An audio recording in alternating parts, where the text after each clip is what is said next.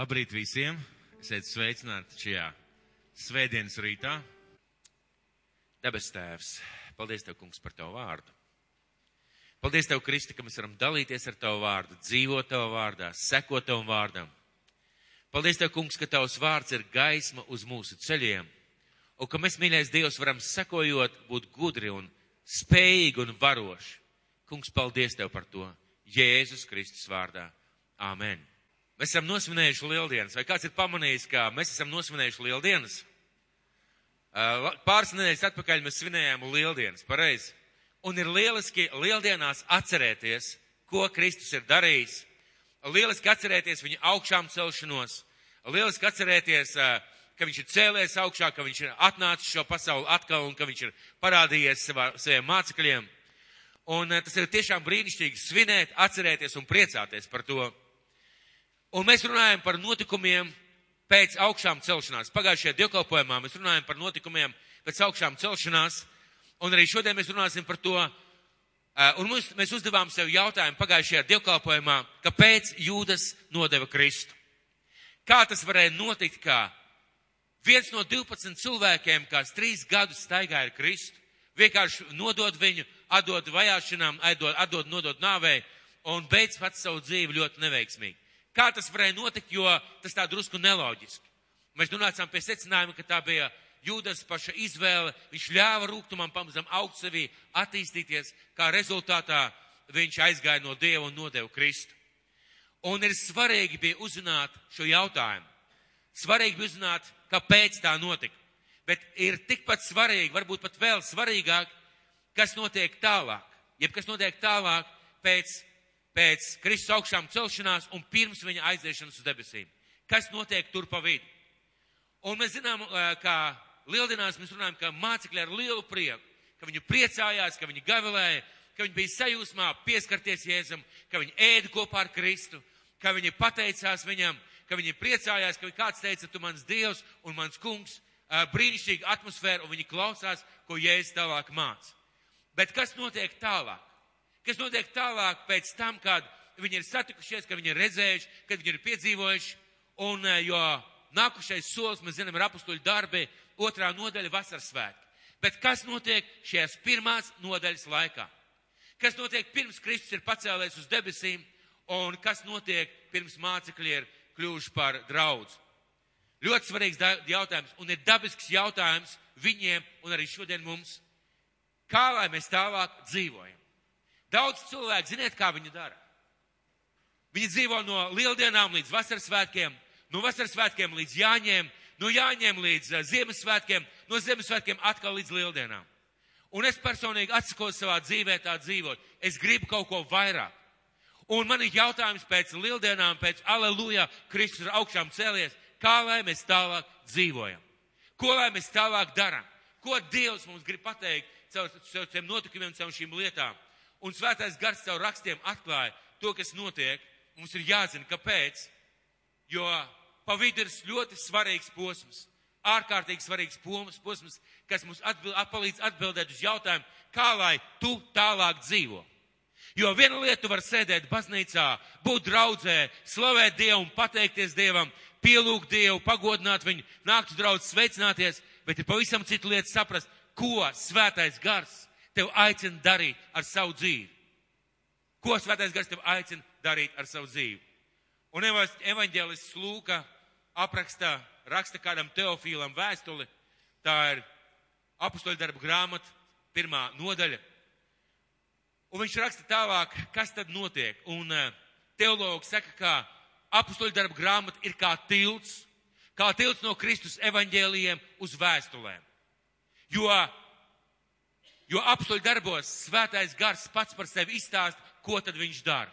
Kā viņi tiek veidots draudz, ko apstuļu dara, ko mācekļi dara, un kā svētais gars, kā svētais gars šo evaņģēliju izplata pa visu tā laiku pasauli.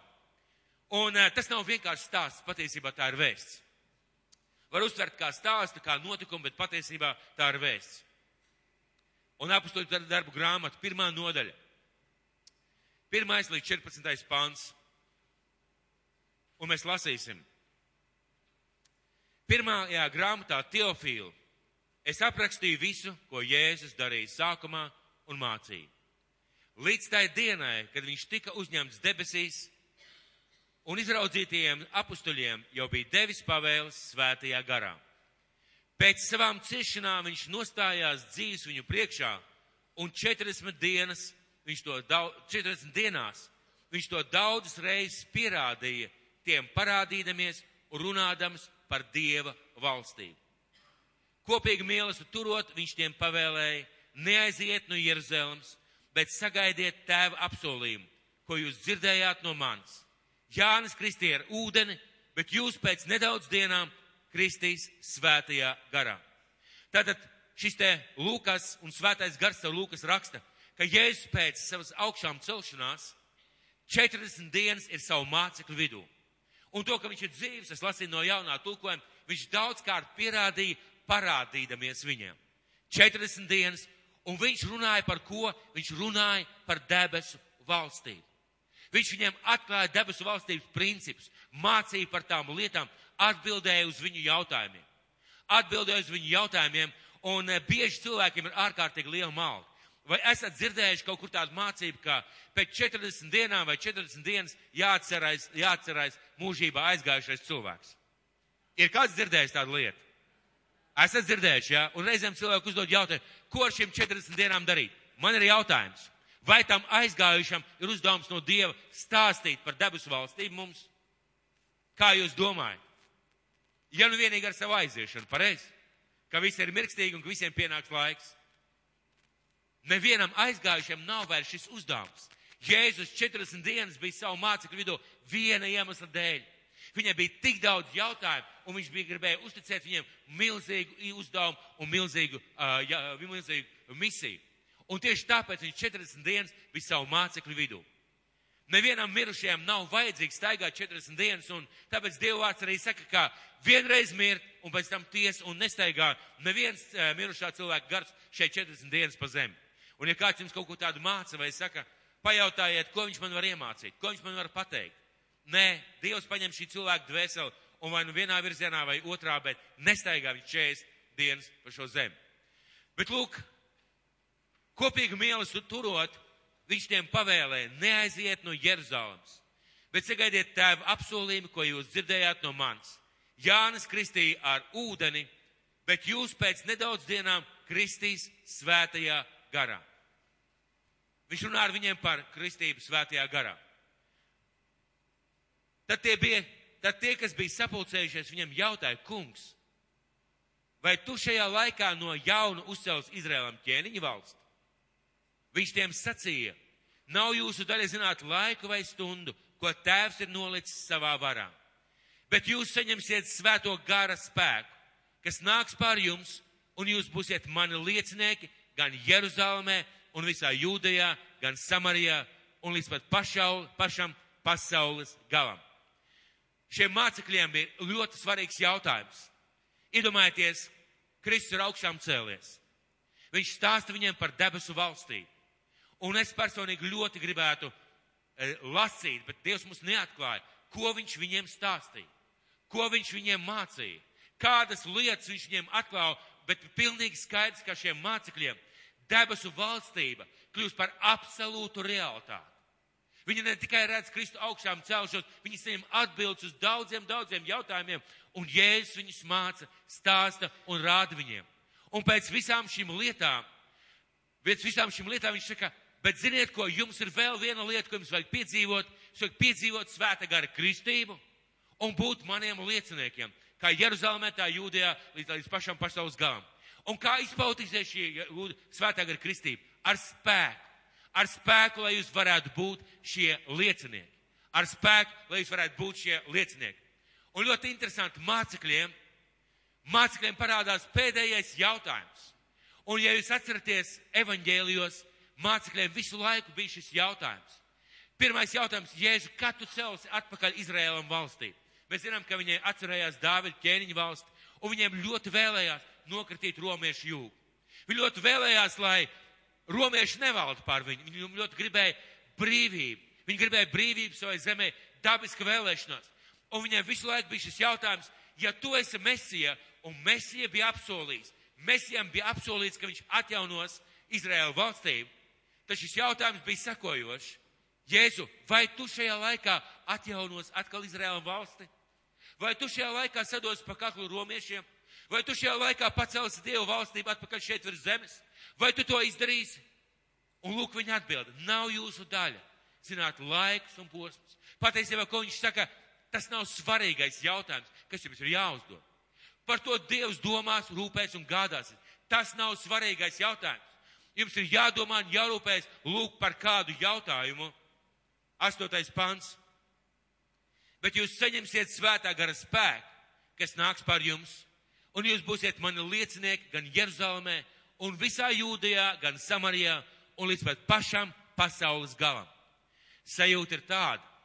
Sajūta tāda, kad uh, Jēzus viņiem stāsta māsta 40 dienas, un tomēr šī doma viņiem ir prātā.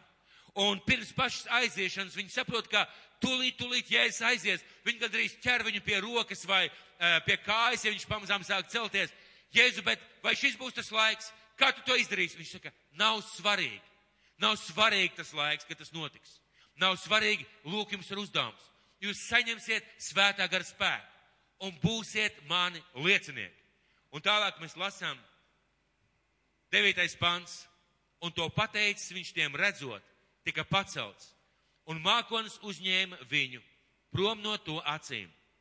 Viņiem aizejot, viņam aizejot, tie cieši lūkojās debesīs, un redz, divi vīri baltās drēbēs pie tiem nostājās un sacīja, Galilieši, ko jūs stāvat, skatīdamies debesīs? Šis Jēzus, kas uzņemts prom no jums, tāpat nāks, kā jūs redzējāt, viņu debesīs aizējam.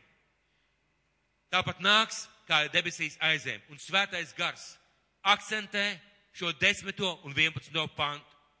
Viņiem aizejot, tie cieši lūkojās debesīs un redzi, divi vīri baltās drēbēs pie tiem nostājās un sacīja galilieši, ko jūs stāvat skatīdamies debesīs? Šis jēzus, kas uzņemts prom no jums, tāpat nāks, kā jūs redzējāt, debesīs aizējām. Jautā, spriežot pēc teksta, spriežot, spriežot pēc tā, ko svētais gars šeit mums parāda. Ziniet, kāda situācija? Viņi tik cieši skatījās uz uh, augšām dodošos Kristu. Viņu skatiens bija tik ļoti pievērsts tam, Un kā viņi varēja skatīties? Droši vien ar skumjām. Droši vien ar skumjām, ar tādu bēdīgu sajūtu. Droši vien ar ilgām pēc Kristus, ar ilgām pēc viņa klātbūtnes. Iespējams, tas bija kāda tukšuma sajūta, kas pēkšņi viņos palika. Kungs aiziet uz debesīm. Noteikti iespējams jautājums bija, ko tālāk? Jā, viņš pateica, bet ko tālāk? Ko tālāk, ko tālāk darīt?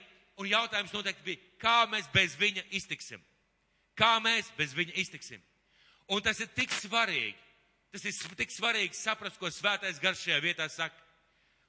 Ziniet, tad, kad cilvēki kādreiz zaudē kādu sev tuvu cilvēku, pat ticīgu cilvēku, pat ticīgi cilvēku zaudējot tuvu cilvēku, pat zinot, ka Jēzus viņu paņēmis pie sevis, ka viņš tagad ir mājās, un ka es viņu satikšu vai mēs viņu satiksim, mums bieži vien paliek iekšā tāda tukšuma sajūta. Jā, tas ir bijis mīļš cilvēks vajadzīgs cilvēks, nepieciešams. Cilvēks, kuru mēs mīlam, bet mums paliek šī iekšējā tukšuma sajūta, un pat daudz kristiešu iekrīt depresijā, un jautājums, kāpēc? Un līdzīgi arī viņiem bija šī sajūta. Kā tas garīgi var izskatīties? Mēs varam palikt un skatīties uz debesīm un ilgoties pēc tā, ka Jēzus, lai būtu mūsu vidū. Mums vajag skatīties uz debesīm. Bet garīgi ziniet, kā tas ir. Tas ir skatīties uz debesīm, visu laiku lūkoties uz debesīm un gaidīt, kā tad viņš atnāks. Šajā vietā ļoti interesanti. Viņi ir kopā ar Kristu. Viņu runā, Jēzus dod pēdējo pavēlu, un tad pēkšņi viņš sāk celties gaisā. Un tad, kad viņš sāk celties gaisā, viņi tik ļoti skatās uz debesīm, nu tik ļoti koncentrējās uz tām debesīm, ka Dievs ir sūtīts, ir spiests sūtīt divus eņģeļus, kuri ziniet, ko izdara? Ej, vīri, Vīri, atopieties! Par to jēzu neuztraucieties. Viņš nāks tāpat, kā viņš aizgāja. Viņš ir reāls, viss notiks. Vai jūs atceraties, ko jums viņš teica? Vai jūs atceraties, ko viņš jums teica darīt? Viņi tik cieši skatījās, Un bieži vien mums šī garīgā skatīšanās, ziniet, kā izpaužās mūsu dzīvē, mēs varam nepārtraukt skatīties uz debesīm, kā jau es teicu. Mēs varam visu laiku apcerēt Dievu savā dzīvē. Ziniet, apcerēt Dievu savā dzīvē. Un palikt tajā sajūtā, es esmu Dieva bērns. Kad tu nāksi man pakaļ? Kungs, esmu tavs bērns. Kad tu nāksi man pakaļ? Es sevišķi vecākās māsas un brāļi. Kad tu nāksi man pakaļ? Un kad mūsu dzīvē ir grūta situācija, mēs sakām, kungs, kad tu nāks man pakaļ? Man tik grūta dzīve, man tik grūta iet. Ak, kungs, kaut tu ātrāk nāktu man ātrāk pakaļ. Es gribu pie tevis. Kas tas ir? Tas ir skatīšanās uz debesīm. Un šie divi eņģeļi saka, izbeidziet. Jā, mums ir jāskatās uz debesīm. Mums ir jāmeklē Dievs savā dzīvē. Mums ir jāredz viņa godība. Jā, mums ir jābūt kopā ar viņu caur svēto garu. Mums ir jāmeklē, jālūdz. Jā, bet šī skatīšanās uz debesīm tieši tādā veidā arī izskatās. Viņi tieši tādā veidā arī izskatās. Vai nu es guļu dievkalpojumā, vai man acis ciet, vai es skatos uz debesīm, man visu laiku tāda nereāla sajūta. Kādreiz tas kungs nāks, tad būs reālā dzīve. Kādreiz Dievs nāks, tad būs reālā dzīve. Viņš paņems mani un tad es dzīvošu. Un vēl trakāk. Mēs bieži vien skatāmies ne tikai uz debesīm, mēs skatāmies viens uz otru. Un ziniet, kā tas notiek? Es skatos uz māsu brāli, oi, neiet viņam tā kā gribētos. Nav ap tā kā apsolījumi, nav viņš tāds perfekts, kā vajadzētu. Nu, nav. Un, ziniet, mans deguns pamazām slīd ar vien zemāk un zemāk. Vēl es varu skatīties uz sevi. Debes tēvs, to es apsolīju, brīnišķīgi, lieliski, un es skatos uz sevi, un paliek, man paliek ar vien sliktāk un sliktāk un sliktāk. Mums nekas tā nesasien. Mīļie, mūsu kalpošana Dievam mūsu staigāšana ikdienas dzīvē ar Dievu nekas tā nesasien, kad mēs tā apcerīgi skatāmies uz debesīm. Tā apcerīgi skatāmies uz debesīm, debes tēvs, tu tur esi. Jēzu, tu tur esi, kad tu nāks man pakaļ. Es gribu jūs mīļie brīdināt. Dieva vārds brīdina ar šīm lietām. Ja mēs nebeidzam šādā veidā skatīties uz debesīm un apcerēt, notiek reāls lietas, ka Dievs arī atnāk pakaļ. Jo tu kļūsti nespējīgs kaut ko darīt šīs zemes. Es zinu kādu mācītāju ģimeni. Un viņi aizgāja traģiski bojā, vīrs un sieva. Un visiem bija milzīgs jautājums. Viņi kalpoja Dievam, darīja Dievu darbu. Kāpēc viņi aizgāja bojā? Kā tas varēja gadīties? Un pēc tam es dzirdēju stāstu. Un stāsts bija sekojošs. Šis, šie, šis pāris, šis mācītājs un sieva. Izrādās, ka viņi daudz kalpoja, bija grūti, dažādi apstākļi, smagi, vēl visādas lietas, bet ne jau tā, ka nevar izturēt vai nevar paciet. Bet tas, kas bija pēdējos gados viņa dzīvē, debes tēvs, esmu tā noguris. Man tā gribās uz mājām. Es tā vēlos uz mājām. Man ir tik smagi tev kalpot. Redz, tie cilvēki tādi āži tur draudzē. Viņi mani neklaus. Redz, grūti darīt to un to. Redz, grūti tas un tas. Rezultātā Dievs tiešām sūtīja. Dievs pieļāva šo avāriju un viņa apdīva bija debesīs. Un mūsu dzīvē tā var notikt. Es jau pieminēju kādu, kādu rakstu vietu, par ko es kādā reizē runāšu par mūzu un āro. Par mūzu un āro. Šiem vīriem bija apsolīts, ka viņi ies debesu valstībā, ka viņi ies apsolītajā zemē. Bet ir viena vieta, kurā Dievs saka mūzum. Mūz uzkāp kalnā. Un tas nav apsolītajā zemē. Uzkāp kalnā, tu un tavs brālis Arons. Svaidītie kalpotāji. Un tad Dievs saka, novelc no Arona viņa drēbes jo viņš neies apsolītajā zemē. Viņa kalpošanas laiks ir beidzies. Viņš paliks šeit, šajā kalnā. Un tas ir skatīšanās uz šīm debesīm. Skatīšanās apkārt uz šīm debesīm. Un, eh, kad mēs skatāmies tā uz debesīm, mums nekas tik ļoti nesasien kā uz debesīm, uz citiem, uz sevi, un mēs tādā veidā tiekam sasiet. Un uz jautājumu, kā lai tālāk dzīvojam, rodās atbilde. Mēs gaidām Jēzus atnākšanu. Jēzus atnākšana ir jāgaida. Bet mēs gaidām Jēzus atnākšanu. Mēs skatāmies uz debesīm, mēs ilgojamies pēc tā mirkļa. Jā, amen. Amen. Mums te ir labi. Ziniet, vēl tāda tendence. Mums te ir labi. Celsim trīs telts. Vai atcerieties Pēteru? Atcerieties šo frāzi, spārnot to. Viņi uzkāpa kalnā, Jēzus viņus uzved kalnā. Un tad viņi redz mūzu, redz ēliju. Un ko Pēters saka? Jēzu, mums te ir labi. Celsim trīs telts un tepat arī paliksim. Skatīšanās uz debesīm. Un ko dara, dara Dievs? Ko saka tēvs no debesīm? Tas ir mans mīļotais dēls. Klausiet viņu. Un ko Jēzus izdara pēc mirkļa? Viņš noved viņus lejā. Viņi nepaliek tur augšā, viņš noved viņus lejā. Kāpēc? Lai būtu kopā ar cilvēkiem un lai kalpotu cilvēkiem.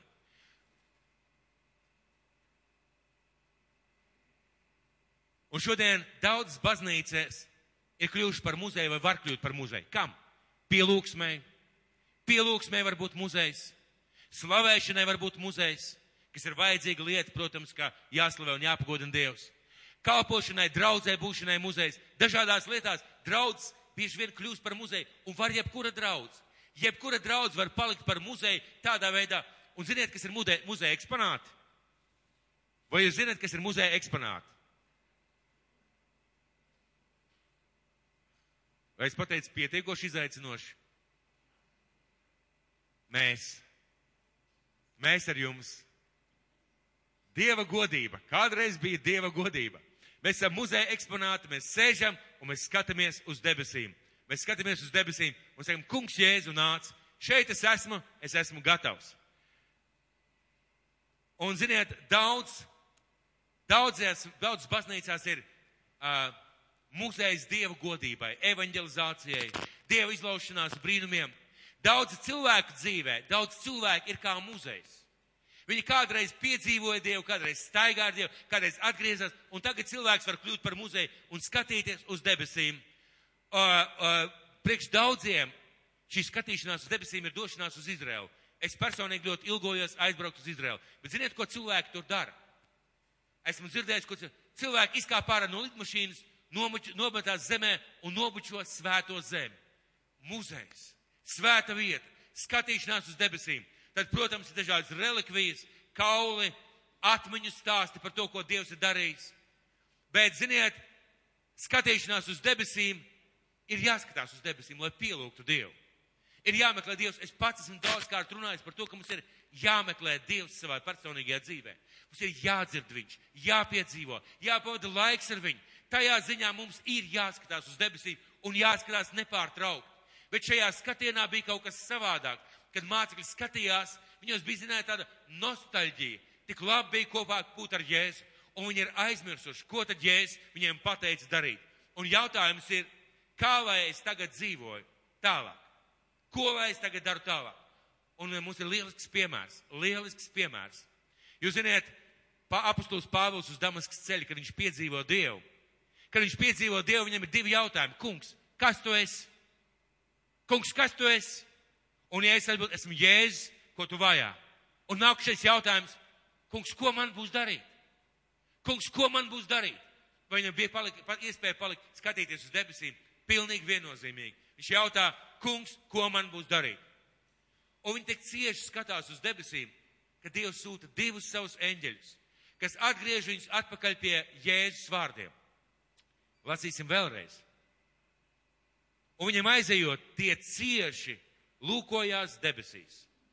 Un redzi, divi vīri baltās drēbēs pie tiem nostājās un sacīja: Galilieši, ko jūs stāvat skatīdamies debesīs?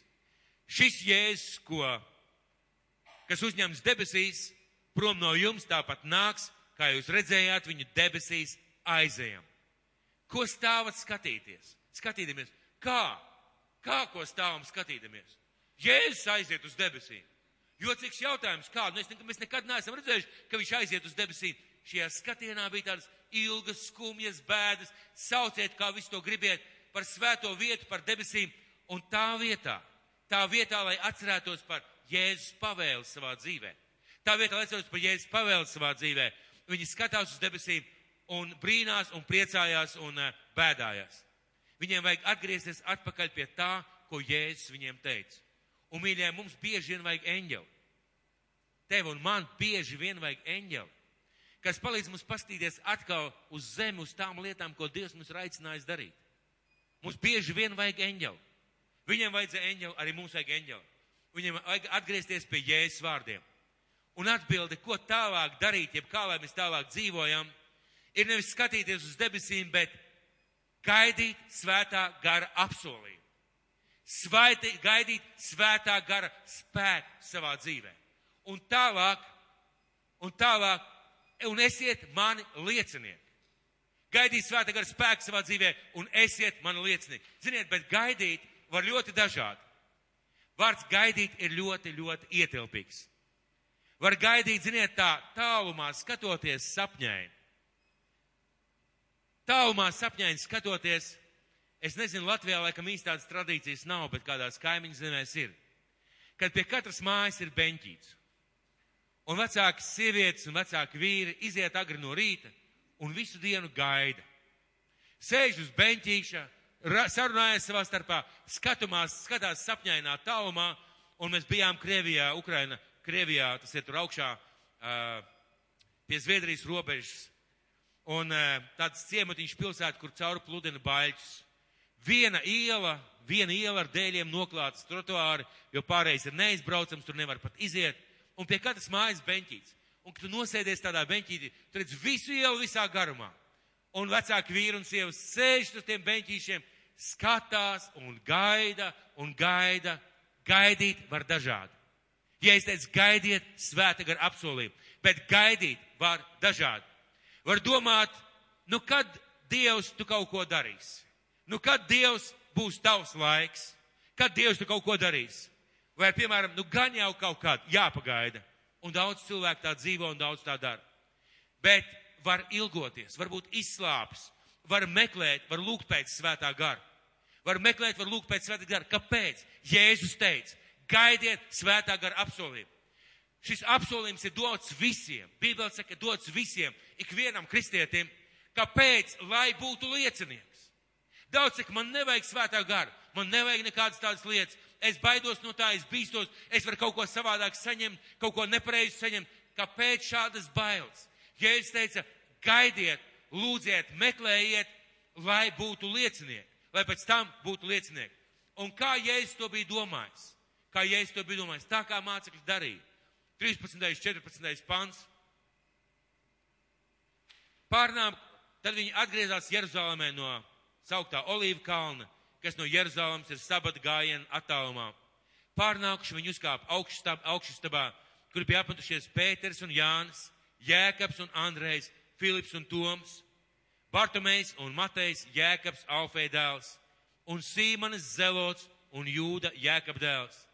Viņi bija vienprātīga, neatlaidīgā Dieva lūkšanā, kopā ar sievietēm un Mariju, Jēzus māti un viņa brāļiem. Lūk, ko viņi gaid, lūk, kā viņi gaidīja. Viņi bija neatlaidīgā Dieva lūkšanā. Viņi bija neatlaidīgā Dieva lūkšanā, un viņi gaidīja un meklēja šo svēto garu, lūdzot Dievu lūdzot Dievu, lai Dievs izlaiž šo svēto garu. Un viņi saprata, ka bez svētā gara viņi nevarēs izpildīt jēzus vārdus. Šie eņģeļi patiesībā viņiem pasaka, beidziet skatīties uz to, kas bija, skatieties uz priekšu. Skatieties uz to, kas jums ir jādara. Skatieties uz Kristus pavēlu savā dzīvē. Ko tu esi aicināts darīt?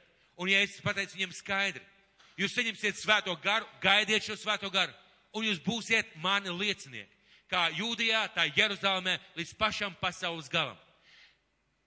Šo vietu teologi apzīmē ar tādu kā ūdenī iekrituša akmens uh, rezonans, jeb, jeb efektu. Vārds, jūs būsiet man liecinieki Jeruzalemē, tas ir kā iemest ūdenī akmeni. Un no šī akmeņa iekritiena tie apli izplatās, jūs ziniet, jā? Ja? Un arvien tālāk, arvien tālāk un arvien tālāk. Un jāsaka, jūs būsiet man liecinieki Jeruzalemē, pēc tam Jūdejā, pēc tam Samarijā un līdz pašam pasaules galam. Tāpēc ir vajadzīgs svētais gars.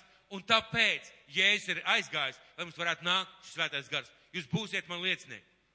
Viņi gribēja būt liecinieki. Viņi gribēja būt liecinieki. Viņi gribēja liecināt par Kristu. Viņi gribēja pastāstīt cilvēkiem par Jēzu. Viņiem Dievu valstī bija kļūst par pilnīgu realitāti. Un viņi ilgojās pēc tā. Un ko viņi darīja? Viņi nesēdēja uz beņķīša. Viņi neskatījās, kad citus piepildīs svētais gars, un tad es kaut kā piemetīšos klāt.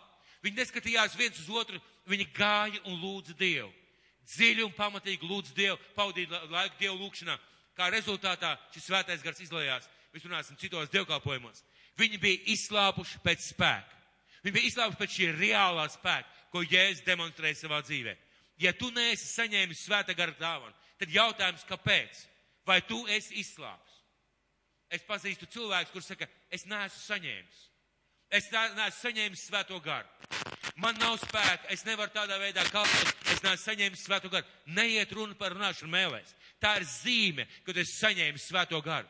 Bet svētais gars ir spēks kam? Kam svētais gars ir spēks? Būt par liecinieku. Ja tu nevēlies, ja tu netaisies, ja tavu vēlēšanās ir nebūt par liecinieku, bet vienkārši sēdēt gaidītāju pulciņā, tu nepiedzīvos šo spēku.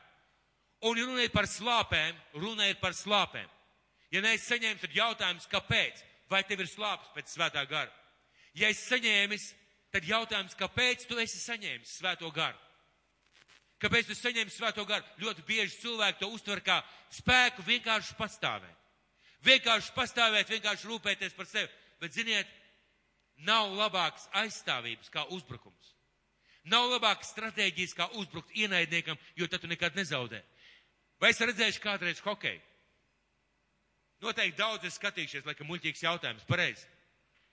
Ziniet, kuras komandas zaudē bieži vien? Tās, kuras nedomā par uzbrukumu. Viņi domā tikai par aizsardzību. Mums kaut kā ir jānoturās, mums kaut kā ir jānostāv. Tas pretinieks ir pa stipru, mēs tā nevaram, mēs visu tagad aizsardzībā un rezultātā tāpat tā ripa ir vārtos. Kāpēc? Vispār nedomāja par uzbrukumu. Un tieši tāpat ir mūsu dzīvē. Svētais gars nav domāts kā metālīts man, lai es uzvilktu savu metālīti un tad paldies Dievam. Dievs mani sargā no slimībām, no problēmām, no grūtībām un tādā veidā es dzīvoju un staigāju. Nē, svētais gars ir dots, lai mēs būtu liecinieki. Lai mēs būtu liecinieki. Bet, ziniet, svēto garu nevar iekonservēt. Svēto garu nevar iekonservēt. Pat ja tu runā mēlēs un saņem svētā gara kristību, Bībele saka, ka jāatjaunojas nepārtraukt svētajā garā. Jāpiepildās svētajā garā. Nevar būt tā, es runāju mēlēs, es uh, saņēmu svētā gara kristību 5, 10 gadu atpakaļ, un tagad es vienkārši dzīvoju tajā sajūtā. Ir jāsaprot, kāpēc. Kāpēc Kristus teica, saņemiet svēto garu? Jo jūs būsiet mani liecinieki. Jo jūs būsiet mani liecinieki. Kāpēc mums nav šī svētā gara spēka bieži vien par tiem, kas ir kristīti? Mēs nevēlamies vai negribam vai neilgojamies būt par šiem lieciniekiem, neesam izslāpuši pēc tā. Mums jāpiepildās svēto garu atkal un atkal un atkal. Un kas tev piepilda ar svēto garu? Pēc ar svētā gara spēku pēc Dieva un viņa spēka. Kas tevi piepilda? Kas tev piepilda ar šo Dieva spēku tavā dzīvē? Kas, pie, kas tev piepilda? Sēdēšana uz beņķīša, gaidīšana, slāpes mīļie, slāpes pēc Dieva dziļuma, slāpes pēc Dieva spēka slāpes pēc tā, lai viņš tevi lietot, slāpes pēc tā, lai kaut kas notiktu tavā dzīvē, slāpes pēc tā glābtu, šeit, glābtu pazudušos cilvēkus, slāpes staigāt kopā ar Dievu, slāpes, slāpes, slāpes. Un Jāņa evaņģēlijā, Jāņa evaņģēlijas, septītā nodaļa, 37. pants, Jāņa evaņģēlijas, septītā nodaļa, 37. pants. Jāņa evaņģēlijas, septītā nodaļa, 37. pants un atšķiriet kopā ar mani. 7. nodaļa, 3. 7.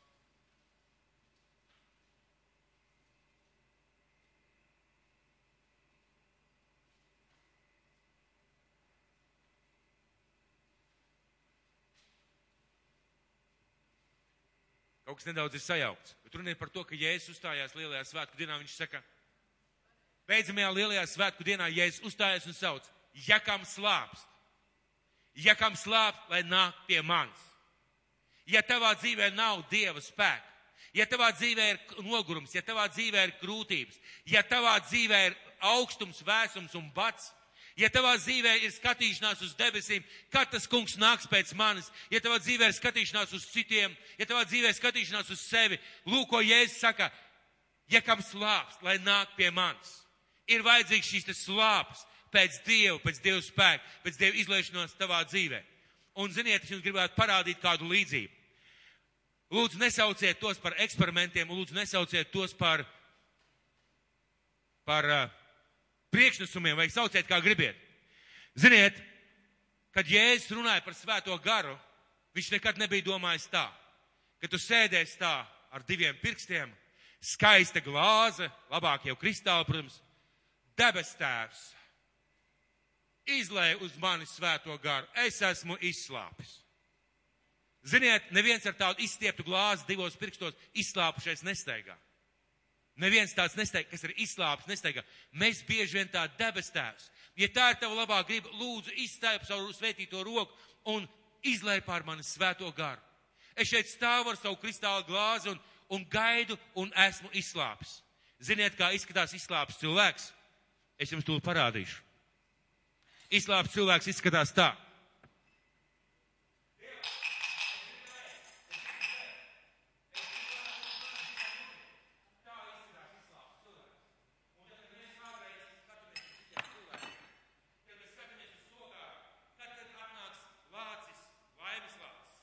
Jeb laimes mācītājs, jeb laimes kalpotājs. Jūs zināt šo stāstu par sunciem zēniem? Zinat, es lasīšu, jā? Ja? Viņi gaidīja laimes lācis. Un izrādījās, ka tas laimes lācis neatnes nekādu laimi. Un, ja es šeit neteicu, ziniet, izbīdiet priekšpalālā 12 apstuļus, jūs esat 120, bet 12 izbīdiet, par viņiem nāk svētais gars, un jūs pārējie vienkārši lūkojaties, sēžat uz beņķīšu, un labākajā gadījumā skatiet uz debesīm. Jo no turienes nāks kungs Jēzus Kristus. Jā, viņš nāks. Bet ja es nekad nebiju domājis, ka mēs gaidīsim tādā veidā šo svēto garu. Ja es tieši runāju par slāpēm, viņš runāja par to, ka mums ir jābūt izslāpušiem pēc tā, lai svētais gars darboties mūsu dzīvē. Un atļauju tev pajautāt, personīgi tev, personīgi tev, vai tu esi izslāpis pēc Dieva spēka savā dzīvē, pēc svētā gara lietas? Vai tu esi izslāpis pēc svētā gara lietas? Ļoti vienkārši, vai tu esi izslāpis pēc svētā gara lietas? Jo tas ir Dieva vārds. Un atļauju tev pajautāt, vai tu esi izslāpis pēc svētā gara lietas pār draudz cerību, pār Latviju. Vai tu esi izslāpis, ja tu esi izslāpis, tu meklēsi, lūksi un sauks uz Dievu. Tu staigās ar šādu krūzīti un katliņu vienalga ko un teiksi, Dievs, man vajag tavu svētā gara spēku. Man vajag tavu spēku. Es gribu glābt cilvēku. Es gribu sludināt evaņģēliju. Ja es nekad nedevu svēto garu, lai es piekārtu sev medaļu un teiktu, man ir svētais gars. Es runāju mēlēs. Aleluja! Nē, Dievs izlēja savu svēto garu, lai mēs varētu būt liecinieki. Lai mēs varētu būt liecinieki. Un jebkas, jebkas kurš slāp slāpē svēto garu, jebkura skatīšanās uz debesīm, uz cilvēkiem, eņģeļiem, svētajām vietām vai muzejiem, šis mūs sasien un neļauj mums iet uz priekšu. Es jums gribētu parādīt kādu vīru, kas pa īstam bija izslāpis pēc dieva lietas. Pa īstam izslāpis pēc dieva lietas. Viņu sauc Ēlī. Šo vīru sauc Ēlī. Un mēs zinām, kā šis vīrs bija tas, kur Dievs varenu lietoja, brīnišķīgi lietoja. Un ir kāds sausums un bats Izraēlas zemē. Sausums un bats un lietus nelīst. Un arī garīgi mēs varam saprast, ka lietas tādā pašā veidā daudz kur dažādi nelīst. Vai svētā gara lietas līst pār tavu dzīvi? Esi godīgs. Vai tas ir viss, ko tu vari savā dzīvē piedzīvot? Vai tev pietiek ar tavu dienišķo darbu, dienišķo maizīt, dienišķo ģimeni, visām pārējām lietām? Vai tev ar to pietiek? Vai tu esi izslāpis pēc svētā gara lietas? Un es nerunāju tagad teoloģiskām frāzēm, varbūt tā izklausās. Jautājums ir pa īstam. Vai tu esi izslāpis, lai svētais gars darbotos? Un ja es teicu, ka viņš dos svēto garu, un mēs būsim liecinieki, tas nozīmē, ka svētais gars dos mums visu, kas nepieciešams, lai mēs būtu auglīgi, bagāti, un lai visā tajā, lai visā tajā būtu stipri Dieva bērni. Un svētīt savā dzīvē, un piepildīt, lai nebūtu jāzūdās, jābēdājas vai jāskums. Ja kāds ir slims, lai mēs varētu lūgt par šo cilvēku. Ja kāds ir noskums, lai mēs varētu iepriecināt ja kāds ir bēdīgs, lai mēs viņam varētu censties palīdzēt, protams, šī cilvēka paša izvēle ir, es pieņemšu to palīdzību vai nepieņemšu. Vajadzīgs ir slāpes. Un šodien nevar būt tāda pozīcija, nevajadzētu būt tādā pozīcijā. Nav tā kā, ne, tā kā vajadzētu svēto garu spēku, tā kā nevajadzētu. Mēs bieži skaidam uz debesīm un skatāmies uz Dievu un gaidam Dievu un skatāmies viens uz otru. Bet, ziniet, ķēniņu grāmatā, pirmā ķēniņu grāmata, 18. nodaļa. Pirmā ķēniņa grāmata, 18. nodaļa, pirmais, otrais pants. Pēc ilgāka laika, trešajā gadā, par Ēliju nāca kunga vārds. Ej stājies Ahaba priekšā, un es došu zemē lietu. Un Elī gāja, lai stātos Ahava priekšā, un Samarijā bija liels bats. Pār zemi nelīst lietus. Pār zemi nelīst lietus. Un šajā zemē ir liels bats. Un Dieva vārds nāk pār Eliju un saka, ej stājies ķēniņu priekšā, ir liels bats, un es došu lietu. Ļoti precīzi, kā apustuļiem. Ļoti precīzi, kā man un tev šodien Dievs saka. Ļoti precīzi, kā Dievs saka, ir bats, un es gribu dot lietu. Jo svētais gars ir kā lietas, mēs to tā saprotam. Un ko tad dara Ēlija? Ko tad dara Ēlija? 18. nodaļa, tās pat 18. nodaļa, 41. 42. pants. 41. un 42. pants. Tad Ēlijas sacīja Ahabam, ej ēd, dzer lietus jau šalts. Vai viņš dzirdēja lietu? Vai viņš dzirdēja lietu? Zemē pilnīgs bats un sausums. Tajā mirklī viņš dzirdēja garīgu lietu. Viņš dzirdēja, ka Dievs ir apsolījis. Ziniet, Dievs ir apsolījis izliet savu svēto garu par zemi. Dievs ir apsolījis izliet savu svētā gara spēku par ikvienu no mums. Dievs ir apsolījis. Un tas tas apsolījums. Un Ēlīs saka, ej, ēd un dzer. Es jau dzirdu lietu līstam. Un Ahabs gāja ēst un dzert. Bet Ēlija uzkāpa Karmela kalna virsotnē, nometās zemē un piespieda vaigu saviem ceļiem. Ko viņš darīja? Viņš aizgāja, apsēdās uz beņķīšu. Viņš aizgāja skatīties uz debesīm. Ja tavā dzīvē ir bats un sausums, nesēdi pēdējā grindā un negaidi, ka Dievs kaut ko darīs tavā dzīvē. Nesēdi vienkārši neguldi dievkalpojumus, meties Dievu priekšā uz ceļiem un lūdzu Dievs ienāc manā dzīvē. Es tā negribu dzīvot. Un uh, Elija darīja tieši to pašu. Viņam bija šis Dieva apsolījums, tāpat kā man un tev. Un ko viņš dara? Viņš uzkāpa Karmela kalnā.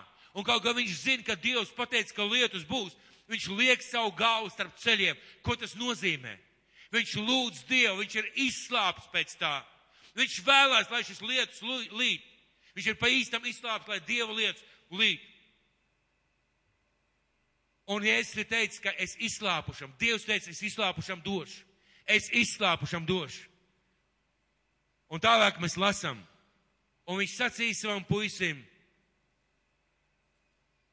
pakāpies jau un skaties uz jūras pusi.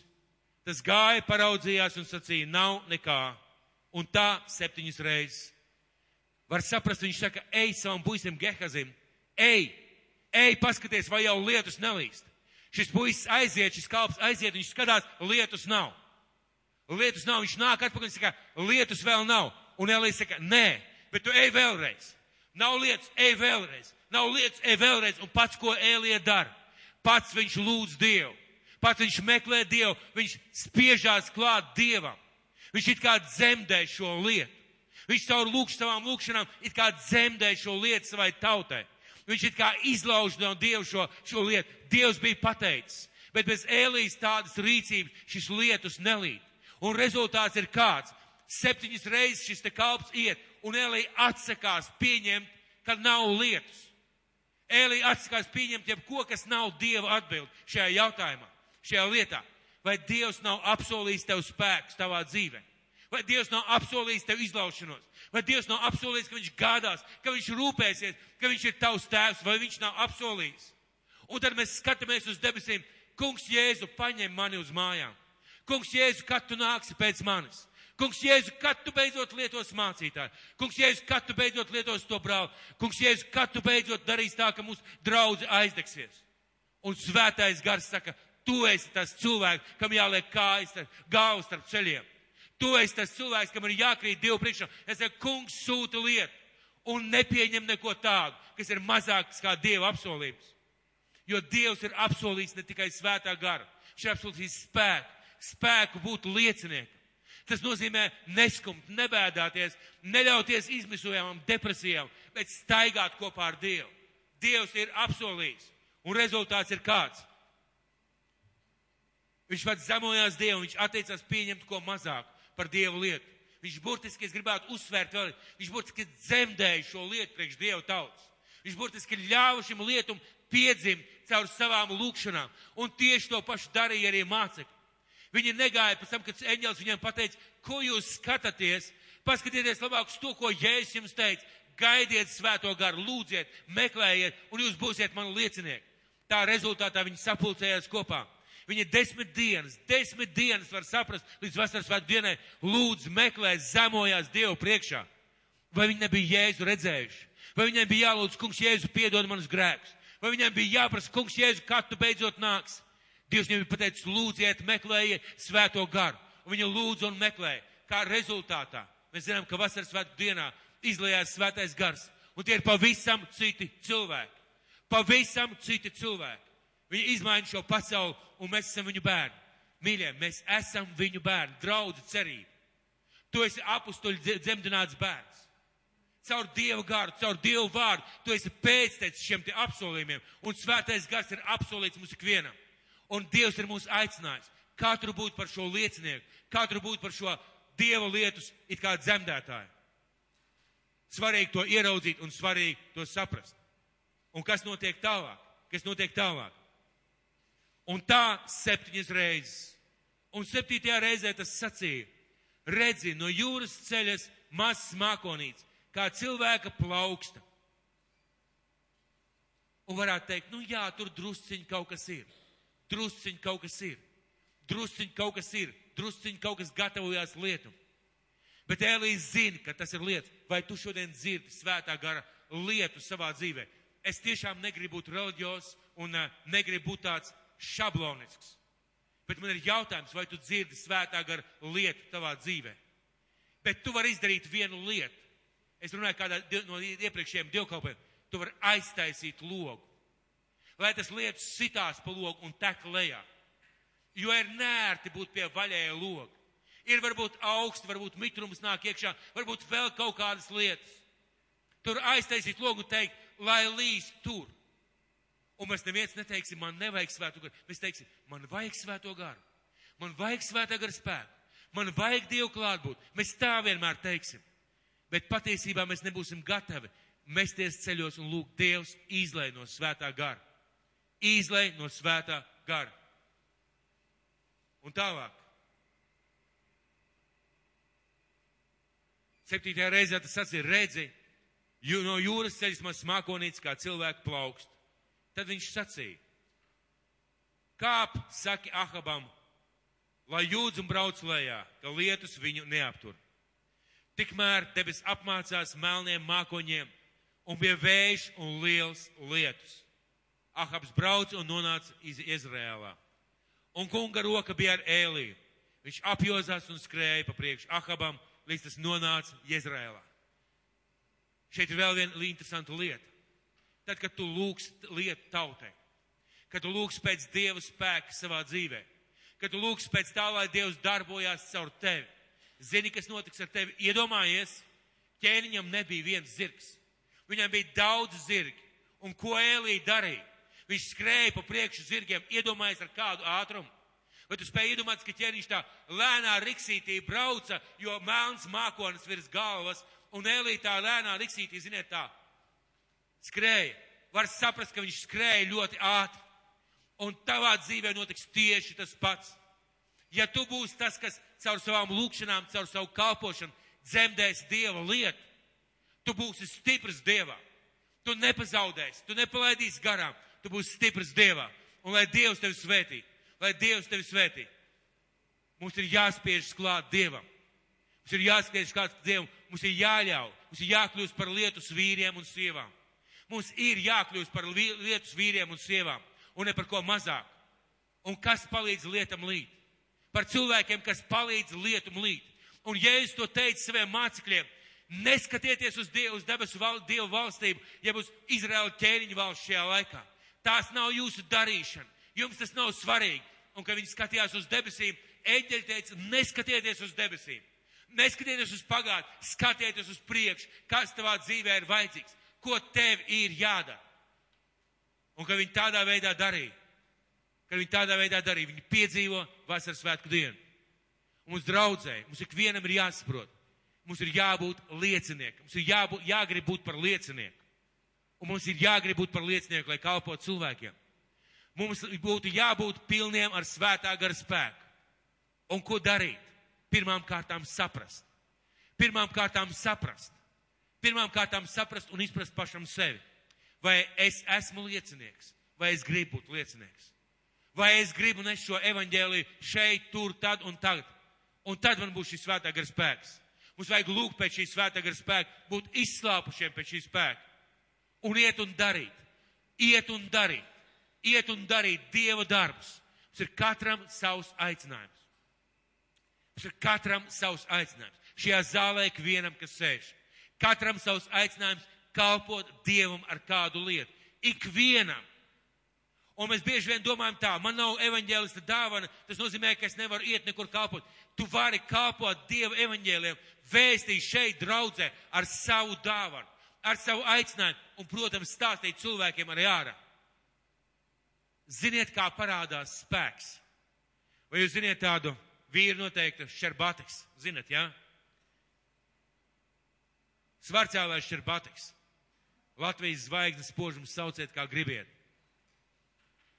Un ziniet, kurā mirklī viņa spēks parādās realitātē? Vai tajā mirklī, kad viņš nostājās pie tā stieņa un ziniet tā, parasti viņi tā mīcās, vai tajā mirklī, kad viņi iespēja kanifoliju rokās, vai tajā mirklī, kad viņi tur tā, nē, tajā mirklī, kad viņi paņem to stangu, kad viņi rauj augšā un pieliek visu spēku, tajā mirklī viņu spēks parādās. Un tieši tā parādās mūsu spēks. Tieši tā parādās mūsu spēks. Mīļie, es gribētu jūs aicināt. Lieldienas ir bijušas, Jēzus ir cēlies augšā. Ko mums ar to darīt? Kā tālāk dzīvot? Meklēt svētā gara spēku savā dzīvē. Meklēt viņa klātbūtni. Piebildīties ar viņu ar vienu mērķi. Ar vienu mērķi Dievs neizdala medaļas. Dievs dod spēku un Dievs dod aicinājumu. Un pirmais ir spēks, pēc tam ir aicinājums. Esiet mani liecinieki. Un, zini, neskaties uz debesīm, neskaties uz mācītāju, neskaties uz, de, uz kaimiņu, neskaties uz draugiem. Tik daudz cilvēku skatās viens uz otru rezultātā, viņi tiek sasieti. Skaties uz to, ko Dievs ir pateicis tavā dzīvē, un tu nekļūdīsies, un neviens tevi nenobremzēs. Vai tas ir apsolījums mums? Ikvienam. Ikvienam. Ikvienam. Izšķirošās ir slāpes. Izšķirošās ir slāpes pēc Dieva lietus. Tavā dzīvē, šajā draudzē, mūsu zemē, cilvēku dzīvē šeit apkārt izšķirošās ir slāpes. Un tev ir izvēle. Staigāt ar šādu skaistu brīnišķīgu glāzīti Māsām nebija kristāla glāzes. Es gribēju paņemt kristāla glāzi, lai var tā uzsist un skaisti skan. Vai staigāt ar šādu te katliņu, ka tevi uzskata pusi par jukušajiem, par jukušu un drusku jocīgu, grabināt to, kad un teikt, kungs, es gribu dzert. Kungs, es gaidu tavu lietu. Es gaidu tavu izliešanos, man ir par maz ar to, kas ir. Tev ir izvēle. Un izšķirošās ir slāpes. Lai Dievs svētī, ka mēs slāpstam. Ka mēs slāpstam pēc tā, ko Dievs var iedot. Un es pateicos Dievam. Es pateicos Dievam, ka šie mācekļi griezās atpakaļ. Viņi desmit dienas pavadīja lūdzot, meklējot Dievu. Un rezultāts bija svētā gara izliešanās vasaras svētku dienā. Jā, Dievs bija apsolījis. Jā, Dievs bija teicis. Ja Dievs bija teicis, es izliešu no sava gara, to apstiprināja arī pravietojums. Bet viņš izlēja no sava gara pār tiem, kas viņu meklēja, par tiem, kas slāpa un kas ilgojās. Par tiem viņš izlēja savu svēto garu. Un līdz vasaras svētkiem mēs runāsim par svēta gara spēku. Mēs lūgsim par svēta gara kristību mūsu dzīvē. Mēs lūgsim par to, lai svētais gars ieliek tevī slāpes. Ieliek tevī slāpes pēc tā, ieliek tevi slāpes pēc tā, lai Dieva spēks degtu tavā dzīvē.